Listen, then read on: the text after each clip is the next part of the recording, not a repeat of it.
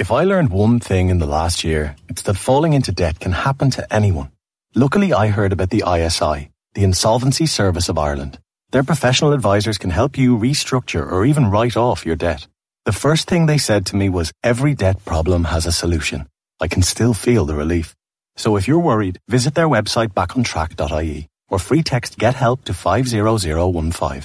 The ISI. Together, we'll get you back on track. This is an initiative of the Government of Ireland. Orden i arbeidslivet, det er Arbeiderpartiets kjernepunkt. Nei, men vet du hva? Tull og tøys, Ole. Ikke noe parti kan abonnere for velgere. Har rett til velgere. Må fortjene dem. Jeg sa til Siv Jensen en gang at du må jo rødme som finansminister og tenke på at du, dette er jo penger du har bevilget. Blir du såra og lei deg? Noen ganger, ja. Her er Stavrum og Eikeland. Velkommen, Jonas Gahr Støre, leder i Arbeiderpartiet og muligens Norges neste statsminister. Hvilket Norge får vi etter fire år med deg ved roret? Et Norge som tar alle mulighetene sine i bruk, og det handler om menneskene som bor her. Sette dem i stand til å kunne øh, jobbe, øh, ha verdig, meningsfulle liv. Det handler om å gjøre det i hele landet, så vi bruker de utrolige ressursene vi har. Det er den menneskelige faktoren som avgjør det i Norge. Uh, vi utviklet vannkraften fra vi ikke skjønte hvorfor fossefallene var der, inntil vi kunne temme dem. Og Sånn har det gått oppover til i dag, og vi har enorme muligheter foran oss. Vi er nå i et covid-år hvor mange eh, har litt nedslått eh, blikk over hva som treffer oss. Jeg vil ha opp igjen troen på at vi er mulighetenes land. og vi får til de, å løse de, de, de største oppgavene sammen. Det er jo et tro på at hver og en får en større frihet, større valgmuligheter, større trygghet ved at vi løser de store oppgavene sammen. Det skal vi vise gjennom praktisk politikk. Og det får denne samtalen muligheten til å komme inn på, HB. Du, tenk, tenk deg et uh, familieselskap. Um, og Der sitter det en 16-årig jente som er opptatt av miljøvern. Uh, det sitter en uh, lager litt stereotyper, men det sitter en 45 år gammel sykepleier for offentlig sektor som er opptatt av privat og offentlig helse. Det sitter en, en tredjeperson som er utenfor, utenfor arbeidsmarkedet, som er trygdemottaker. Disse har tenkt å stemme henholdsvis SV, MDG og Rødt. Så slår du på glasset, og så skal du fortelle dem hvorfor de skal velge Arbeiderpartiet. Det, det ville jeg elsket, den situasjonen. Mm. For jeg ville hatt uh, veldig gode argumenter. La meg begynne med 16-åringen. Mm. Så ville jeg sagt det. Hva lurer du på når du skal velge utdanningsretning? Skal du ta det yrkesfaget? Skal du ta studiespesialisering? Hva velger du? Jo, da spør du gjerne en fetter eller en venn eller en onkel som forteller om noe. Hvis den onkelen forteller at uh, det er trygt på min jobb, her er det folk som stort sett snakker norsk, du har en ordentlig avtale, du har en ordentlig lønn, du har hel tid. Da heller jeg den retningen. Men hvis du får høre fra den samme eh, slektningen, vennen, at hos oss så er det dårlige arbeidsvilkår, dårlig kontrakt, du får deltid, ingen skjønner hva du sier, nei, da trekker jeg i en annen retning. Orden i arbeidslivet, det er Arbeiderpartiets kjernepunkt. Det er å sørge for at vi rydder opp der. Det er stort sett orden i Norge, men det er altfor mange lommer med uorden. Og Gå til vårt program, så du ser konkret hvordan vi skal sørge for at eh, du velger yrkesfaget ditt, hvis det er der du går. Halvparten gjør det. Så skal du være trygt utsatt til lærlingplass og til en trygg jobb der ute. Eh, til uh, sykepleieren så vil jeg si at ryggraden i vårt omsorgs- og helsevesen er vår felles helsevesen. Uh, det er sykehus som vi investerer i sammen. Også der skal du få muligheten til en heltidsjobb. Uh, Altfor mange har deltid. Altså, nå er dette, var hun 45 år, sa du. Mm. Men uh, veldig mange som velger helse- og omsorgsfag, får jo tilbud om 4-20 %-stillinger. Og da velger de noe annet. Sånn kan vi ikke ha det. Så den muligheten skal vi, uh, skal vi gi det. Det er vi som satser på dette. En privatiseringsretning, todeling av helsevesenet, er dårlig for folk. Åtte av ti nordmenn frykter at det går den veien. Seks av ti mener vi er på vei dit. Eh, vi er garantisten for det. Vi vil ikke gå den veien. Vi har mangfold av ideelle eh, private eh, aktører, ja. Men det er det offentlige som må ha hovedretningen for pasientene, og det er bra for deg som jobber der. Og for den arbeidsledige, som du peker på, så vil jeg jo si at arbeid til alle er jobb nummer én. Det har alltid vært Arbeiderpartiets sjel. Hva trenger du for å komme tilbake i jobb? Er det å få fullført fagbrevet ditt? Er det å få fullført en utdanning du ikke har gjort? Er det å få oppdatering kompetanse? Eh, så er vi der på det. Eh, Norge taper på at yrkesdeltakelsen er for lav, for få jobber, og at ikke du kommer inn i jobb. Det er viktig for deg, men det er også veldig viktig for meg og for oss at vi jobber. Oljefondet er en liten parentes i forhold til verdien av nordmenns arbeid. Så hvis nå etter covid vi stabiliserer arbeidsledigheten på et høyere nivå, så er det et varig tapsprosjekt for Norge. Derfor må vi bruke nok penger nå til å få deg tilbake i jobb. Nå har vi dobling av unge uføre på Erna Solbergs vakt. Og det bare fremskrives at det kommer til å øke og øke og øke. Vi må sette inn mye større ressurser for å motvirke det. Men litt ordet, for, for, eh, og nå har vi ikke kommet til middagene. vi, vi er fortsatt på retten. For det, det, det, er jo på en måte snakker om her. Det, hvis du ser på, på Arbeiderpartiets skalløp og hvor har velgerne blitt av, så er det jo mange har satsa på gjerdet. Eh, noen velger eh, Senterpartiet fordi de er opptatt av distriktspolitikk. Noen velger SV fordi de er opptatt av omfordeling av offentlig sektor. Noen velger MDG fordi det er et rent, rent grønt parti. Og så tok jeg et, et rødt eksempel. Sånn. Så eh, på en måte Er det Arbeiderpartiet som har forlatt velgerne, eller er det velgerne som har forlatt Arbeiderpartiet? For det første, ikke noe parti kan abonnere på velgere. ha rett til velgere. Du må fortjene dem. Det er, det er helt nådeløst, og sånn må det være. Mm. Så når vi gjør det uh, for dårlig på målingene, og jeg er blant de som mener det, så er det vi som må uh, ta det på alvor. Så la det bare være klart. Så tror jeg at et parti som Arbeiderpartiet, som er et styringsparti, som er et helhetsparti, politikken skal gå opp. Den arbeidsledige uh, kommer ikke i jobb om vi setter økonomien over styr ved å pøse ut penger i en del av økonomien som rammer den arbeidsplassen. Hun som skal jobbe i eh, sykehuset, hun skal vite at vi eh, kan levere på det over tid. Eh, da må vi også sørge for at sykehusene våre er effektive, at de er moderne, og at vi konsentrerer virksomheten der det trengs. Jeg ser, både, som eh, partileder og som privatperson som sitter og ser på landet vårt, at i vår oppsplittede tid, sosiale mediers tid, så er det mer krevende å være helhetsparti. Det er mer krevende å si at vi har et samfunnsprosjekt med muligheter for alle de store oppgavene løser vi sammen, som nordmenn flest nikker til. Ikke sant? Det er jo det de kjenner seg igjen i. Men politikken blir mer og mer oppsplittet. Dere og mediene bidrar til det. Det er ingen som har skyld i det, men det er et samfunnstrekk vi er i. Men det er ikke noen unnskyldning for oss til å si at så, sånn er det. Det må vi møte. Og nå har jeg lagt sammen et partiprogramforslag som jeg mener er mye tydeligere, også egnet til å stå i den eh, medietiden vi er i. Den har tydelige satsinger på arbeid, en sterkere velferdsstat, en rettferdig klimapolitikk som kutter utslipp og leverer. Jeg skulle gjerne ha to til i den uh, middagsselskapet du sier om, mm. nemlig Miljøungdommen, som du pekte på, mm. og oljearbeideren. Kanskje en tremenning som satt der. Min oppgave er å forene dem også. Uh, og andre partier sier at uh, drit i oljearbeideren, jeg konsentrerer meg om, om, om miljøungdommen. Eller glem miljøungdommen, vi er oljearbeiderens parti. Arbeiderpartiet er på begge.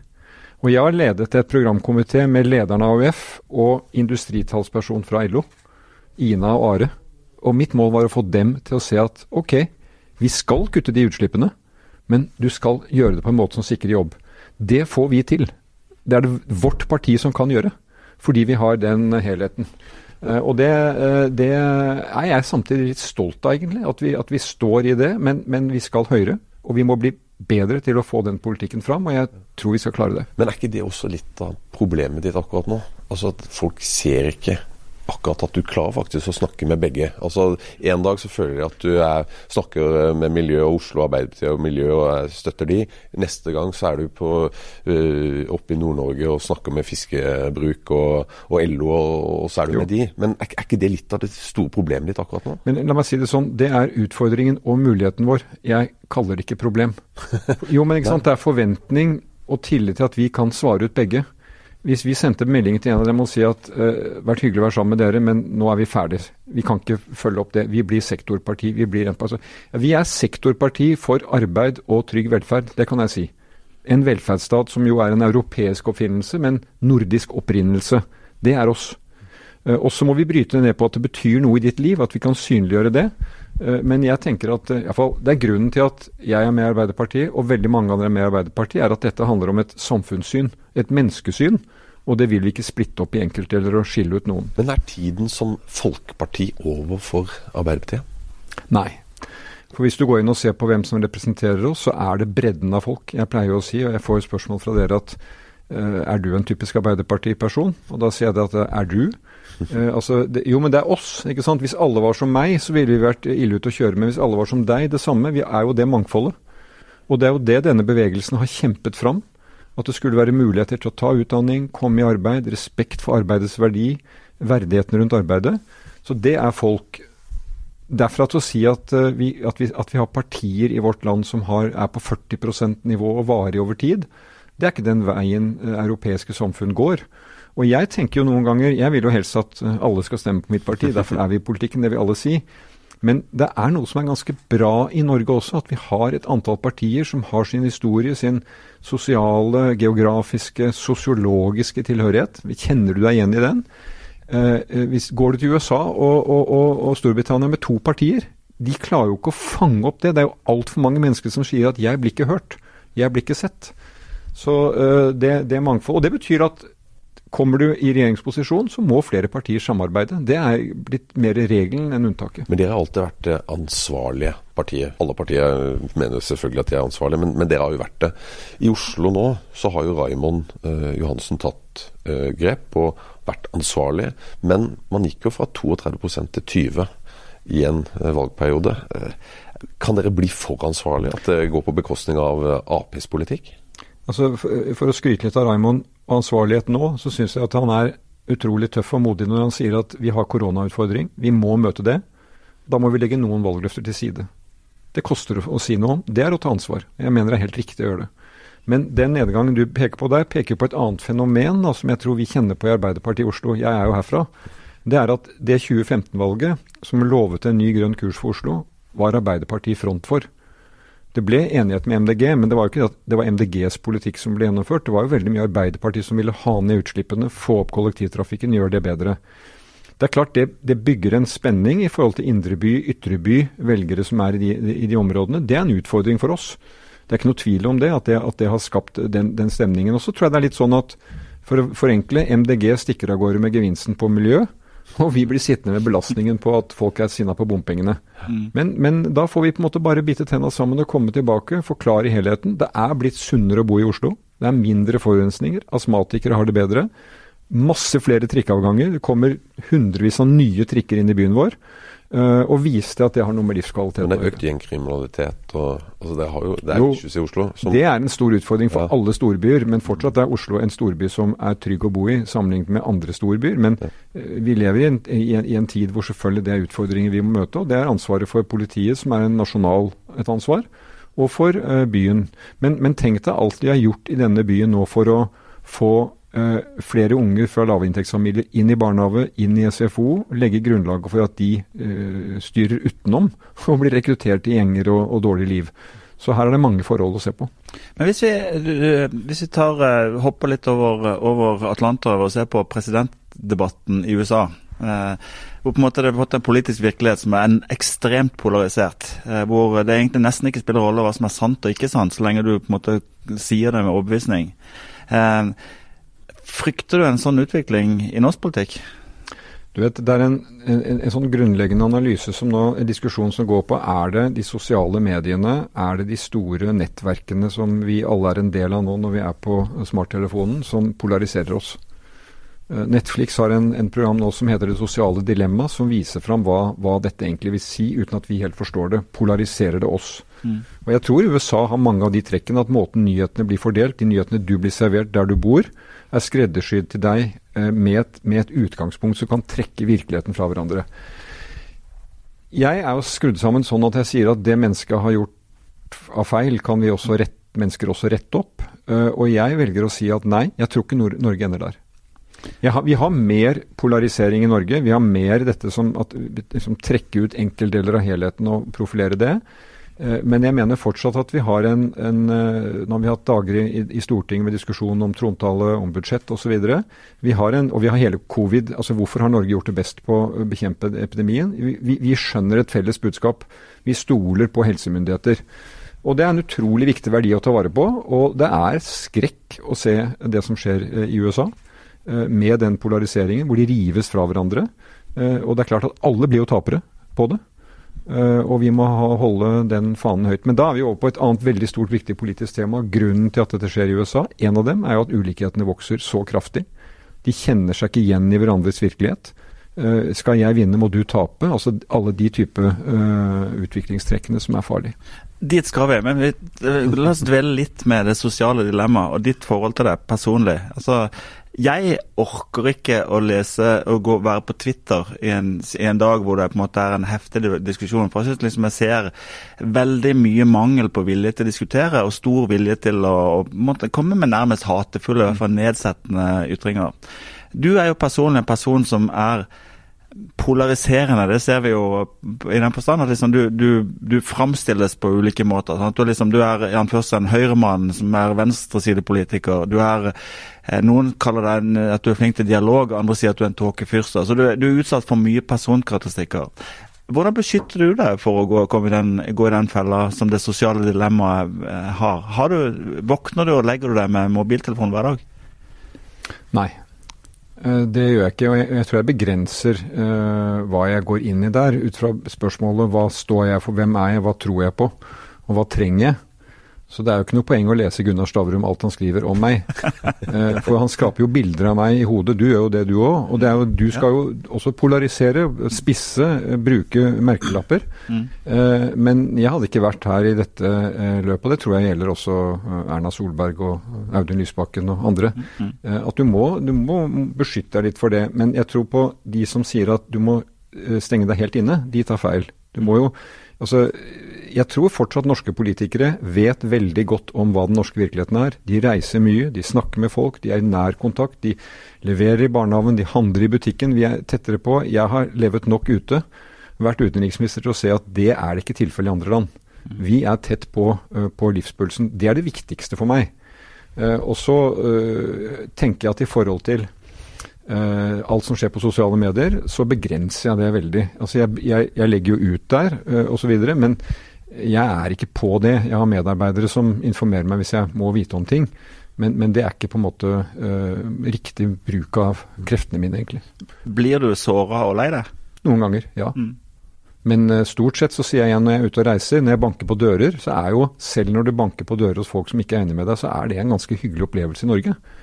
Altså du, det du opplever å høre av sjikanering på sosiale medier, mm. der det er, hører du aldri når du står foran kassa og handler. Nei. Eller når du er på T-banen. Og jeg lever et liv hvor jeg kan leve sånn. Mm. Så er det ikke sånn. Så, og, og, det er et ekte møter med mennesker. Hva, hva, hva som skjer i de, i de, sosiale mediene, får, får henge der. Men, men uh, litt uh, konkret til um, organisasjonen din. Uh, du har hatt issues, eller Arbeiderpartiet har hatt issues de siste årene. Du hadde Giske-saken. Du har nå Jan Bøhler som har gått til Senterpartiet. Du har Lippestad som skal starte et kristen sosialdemokratisk parti. og du har to store fløyer som, som fighter egentlig om hvor Arbeiderpartiet skal gå Eh, de som er enige med Oslo og Ap, og så har du de som er mer LO-vennlige. Har du mistet kontrollen i Arbeiderpartiet? For det første, det siste er jeg ikke enig i. Det er ikke to store fløyer i Arbeiderpartiet. Men Arbeiderpartiet er et stort telt. Vi er en allianse av mange interesser som bindes rundt noen verdier vi har til felles. Og det er helt riktig det at sitter du midt i Oslo eller på Herøy, så har du ulike ting som er viktige der og da. Men når jeg har snakket nå, vært på telefonen på morgenen med, med 100, eh, over 100 av våre ordførere, så er det et fantastisk mangfold av hva de nå kjenner på. Eh, og det mangfoldet må vi henge sammen. Så er politikk gjort opp av mennesker. Over 50 000 medlemmer, tusenvis av tillitsvalgte. Og at vi får situasjoner på, vår, på min vakt eh, som da eh, kan være en sak i forhold til retningslinjer for seksuell trakassering, så må vi håndtere det. Det ble jeg som måtte håndtere det, og det er ikke noe tvil om at det var uh, smertefullt for mange. For de som varslet, for den det ble varslet mot, for partiorganisasjonen. Vi er mye mer sårbare i dag enn jeg tror for en stund tilbake siden av saker som ikke handler om politikk, når du må bruke tid og krefter på det. Og det at det kan være en, en representant hos oss som velger å gå til et annet parti, altså det tilhører hva som kan skje. Så får vi på en måte ha respekt for det. Jeg tror det er et uh, Han tar feil valg, men det må jeg respektere. Og så er det veldig mye annet som binder sammen. Så, så går vi videre. Men du, eh, du nevnte stikkordet ulikhet, og sa vi skulle komme tilbake på det. Eh, liksom, eh, skatteletter til de aller rikeste, ulikheten øker. Mener du at det er eh, hovedvirkeligheten i Norge? Altså Hovedvirkeligheten til, i Norge handler jo om det eh, Kari og Ola våkner om om morgenen og står i hverdagslivet og skal finne seg jobb, ha helse, ha, ha av disse valgene som du tar. Men hva er utviklingstrekkene i vårt land? det er jo at vi har ulikheter som øker. De som er nederst på inntektsstigen, de har opplevd redusert kjøpekraft. Den øverste tidelen stikker fra. Sånn er det i nesten alle land. Men da er spørsmålet skal politikken virke for å skyve den retningen, eller skal den holde igjen? Og Det er da jeg mener at spissen på det budsjettforslaget de nå har, med å bruke 1,4 milliarder på å kutte på de som har store aksjeformuer, er feil. Jeg mener det er feil bruk av de pengene. Kunne vært brukt på andre formål som ga flere muligheter. Mange av de uløste oppgavene kunne vært styrket eh, med det. At vi får formuesulikhet på sånne statistikker internasjonale som er på linje med Storbritannia, det mener jeg er fremmed for det som er i Norge. At SSB forteller om at de som tjener mest, de skatter mindre og tjener mer. Mer enn vi har trodd. Det er jo politikkens oppgave å peke på og se det. Uh, uh, og, og, også fordi at uh, de, de, viktigste oppgavene løser vi sammen, men begynner, begynner den, den, kontrakten å ryke, så sier jo folk som er langt fra sosialdemokratiske tenketanker, om de er i OECD, IMF, Verdensbanken, at økende ulikhet er gift for omstilling. Mm. Det er jo der hvor vi har små ulikheter at folk er villige til å snu seg rundt og, og, og gjøre endringer. Så selv om du kan si at ja, er det så mye da i dette budsjettet, er det så viktig, så må vi se tingene over tid. Mm. Det er gått 9 milliarder i kutt på denne formuesskatten. Eh, siden 2013. Det er det viktigste. Høyre vil fjerne hele skatten, landsmøtet deres.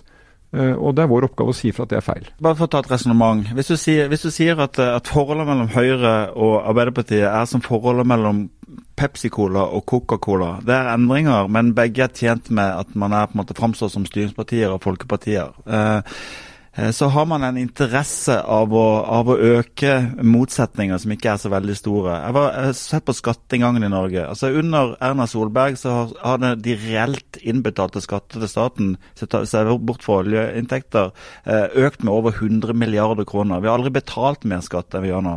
Vi har også eh, rekordhøy avgiftsbetaling. Høyresiden vil gjerne fremstille det som de har satt ned skattene voldsomt, mens i praksis har skattene økt. Dere vil fremstille det som at de har bidratt til veldig høyt, høy ulikhet, men vi bruker jo penger som vi aldri har gjort før over fellesskapets midler. Så er det sånn at det overdriver forskjeller som egentlig ikke er så store? Sammenlignet med andre land, så er jo forskjellene mindre i Norge. Og jeg vil begynne alle mine innlegg med å si at eh, Norge er et bra land å bo i. De fleste misunner oss utgangspunktet vårt. Men det er jo ikke grunnlag for at vi setter oss ned og sier at så la det på en måte uh, skure og gå. Når skatteinngangen øker, så er jo ikke det fordi at uh, denne regjeringen har økt skattene. Det er jo fordi at vi har voksende befolkning. Flere som jobber, flere som betaler inn. Mm. Jeg mener det er for få som jobber. Hadde enda flere jobbet, så hadde skatteinntektene uh, økt, og vi kunne løst flere av oppga oppgavene. Arbeiderpartiet har jo alltid ment at målet er ikke å ha høyest mulig skatt men det er å tette hull, så du med lave satser og bredt grunnlag kan sikre inntekter eh, til fellesskapet.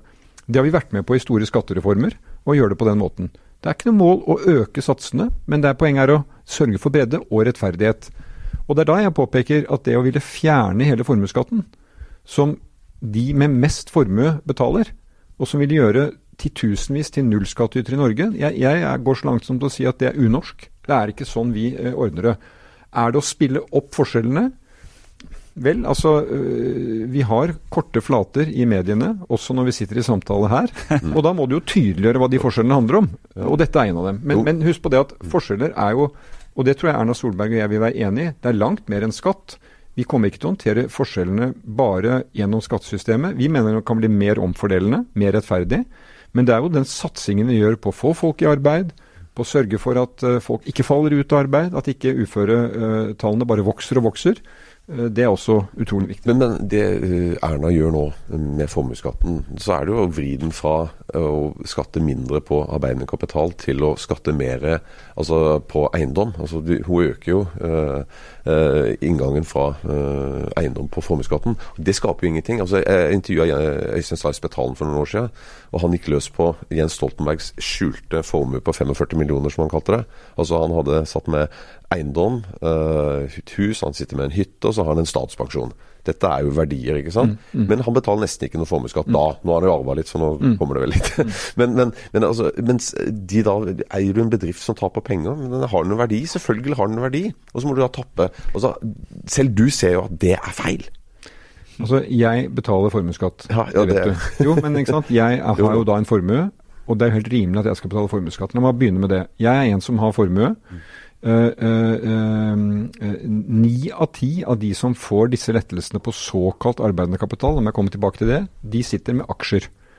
Det sitter pensjonister med penger på bok etter, som de har spart i boligene sine. De må betale like mye, de får ikke disse lettelsene. Nei. Arbeidende kapital er et veldig, veldig uh, forførende begrep, men det er ikke riktig. Du som setter pengene dine i banken, du vil jo også ha arbeidende kapital. Banken gjør noe med de pengene. De låner dem ut til bedrifter som satser ny virksomhet. Men høyresiden har prøvd å definere at det er de som har aksjer i egen bedrift som arbeidende kapital. Det er de som skal få de store lettelsene. Ni av ti av de som får disse lettelsene, har aksjer. Og det er de høyeste prisklassen. De som har de aller, aller, aller høyeste formuene. Jeg har vært ærlig hele tiden. Det er klart at For det verftet på Vestlandet som er norskeiet og ligger ved siden av et utenlandseiet, så er det for eierne en utfordring, kan være en utfordring å se at uh, den utenlandskeide ikke betaler formuesskatt. Det er ikke et skatt på selskapet, det er et skatt på personen. Dette er ikke selskapsskatt. Men vi må jo da komme til forskningen også, som sier at uh, har redusert formuesskatt skapt nye arbeidsplasser? Umulig å dokumentere. Har høy formuesskatt vært et hinder mot nye arbeidsplasser? Siste forskningen som regjeringen selv bestilte, sa at nei. Tvert imot så har formuesskatten den effekten at man Ved hjelp av din rådgiver. Ja, men vet du hva? Tull og tøys, Ole. Al alvorlig talt. De har gått i to av de mest seriøse miljøene i Norge. eh, som har ulike folk som jobber for dem. Som leverer vitenskapelig, grundig arbeid. Det er regjeringen som har valgt dem, og de kommer med de resultatene. Ingen av mine rådgivere som har jobbet med det. Eh, tvert imot, det er fagfolk som har gjort det og levert den. den det har fått veldig mye kritikk da fra også annet faghold. Ikke, Jo, men ikke sant, det viser at dette temaet er ikke der, mener jeg, at du kan si at vi reduserer den skatten, så blir det flere arbeidsplasser. Det er ikke dokumentert. Tvert imot så er det et veldig klart uttrykk for at et rettferdig omfordelende skattesystem blir svekket. Men altså, jeg sa jo at ikke vi skulle dvele med hva folk sa i 2016 og sånt, men jeg var jo med på et skatteforlik Ja. hvor, hvor begrepet arbeidende kapital snek seg inn. Jeg syns personlig at det er et tullete begrep, men, men, Men, dere- men, men nå skal jeg si som Dere var lagde, sa, at jeg er glad for det spørsmålet. Eh, jo, men eh, hør nå, fordi da hadde vi et stort skatteforlik. Ja. Og det har vi hatt opp gjennom tidene, hvor Høyre og Arbeiderpartiet har vært enige om struktur, og så har vi vært uenige om nivå. Og det mener jeg har vært veldig bra for Norge. Vi, vi hadde store skattereformen som, som har gjort dette på en måte igjen. Eh, eh, tette tull, ikke nødvendigvis laget høyere satser. Jeg tenker jo om skatt at eh, så mye som nødvendig, så lite som mulig. Det må være målet hele tiden. Men i det opplegget der hadde vi jo en helhet. Hvor vi satt øh, verdsettelsen av aksjer til 80% bl.a. for å kunne stimulere til investeringer i det, fremfor de veldig gunstige eiendomsinvesteringene. Det var riktig. Men det var jo i en helhet hvor selskapsskatten var der, der var, der var det, øh, rabatten for aksjer. Og så fortsetter regjeringen bare å sette den ned, og de har satt selskapsskatten ned. Så det er nivået og ikke egentlig Jo, men prinsippet. Jeg går jo inn for å redusere skattene for folk med midlere og lavere inntekter. Ja. Det betyr ikke at jeg vil kutte hele inntektsskatten. Det er forskjell på å barbere seg og skjære av seg haka. De fortsetter jo nå, og målet er null. De sier jo det, målet er null Ja. på såkalt arbeidende kapital. Men det, jeg mener det er feil. Det forrykker balansen i skattesystemet, eh, og er eh, sånn sett urettferdig. Altså, jeg synes jo at jeg, Personlig synes jeg at begge sider er manisk opptatt av formuesskatten. Men, men det som den rapporten som du viste viser, det er jo at forskjellen på formuesskatt mellom å ha pengene i ikke-arbeidende kapital, altså ha, å ha pengene i arbeidende kapital, får folk til å beholde pengene i bedriftene, og det skaper, eh, det skaper arbeidsplasser. Sant? Så det er jo ikke sånn, Du kan på en måte, du kan ha oppnå den samme effekten på to måter. Du kan sette ned skatten på arbeidende kapital, eller du kan heve formuesskatten ellers. Så vil du allikevel få til det incitamentet. Men la oss, la oss heller gå på skatteøkninger. Hva kan du love av skatteøkninger i de fire Ja, årene? la meg si igjen, jeg tror at et skattesystem skal være rettferdig. Mm. Det skal være omfordelende. Eh, Men jeg sier igjen, så mye som nødvendig, så lite som mulig. Eh, Vi skal komme med vårt skatteopplegg når vi ser hva som nå blir vedtatt. Nå begynner vi å se konturene av det. Det vi har i vårt opplegg i dag, er å si de som har under 750 000, lik eller lavere skatt. De som er over, kan betale noe mer, innenfor den samme rammen. Eh, Det er inntektsskatt. det er inntektsskatt. Og der kommer, det, så det, det høres, Jeg skal ikke avbryte, men det høres ut som på en måte, der er det justeringer. Det blir ikke enorme forandringer. Nei da, men altså, det opplegget de har lagt frem nå på inntektsskatt, det gir jo de største lettelsene for de som tjener over en million. Det er ikke vår profil. Nei. Og på formue så mener vi at de med, med størst formue, de kan betale eh, noe mer. Eh, I 2013 var vi jo på et nivå hvor Norge av internasjonale byråer ble ansett som en av de beste landene å starte bedrift i. Eh, de sa samtidig at hvis du fjerner formuesskatten, og du har fjernet arveavgiften, så vil Norge bli det landet i OECD, nummer to eller noe sånt, med det absolutt gunstigste beskatningssystemet for de med høy formue. Og vi har jo opsjonen også, så da blir vi nummer én. jo, ikke sant. Så jeg mener, Men igjen, er det den måten vi gjør det på i Norge? Jeg mener, Det er ikke den måten vi gjør det på. Altså, det er, I Norge så har vi et mer rettferdig omfordelende skattesystem, eh, og det skal vårt være. Men, men, men jeg, når vi legger frem vårt skattesystem, skal, skal du se at det er mer rettferdig, mer omfordelende. Skal gi skikkelig forutsigbarhet for næringslivet. Eh, Det skal være gunstig å investere og etablere bedrift i Norge.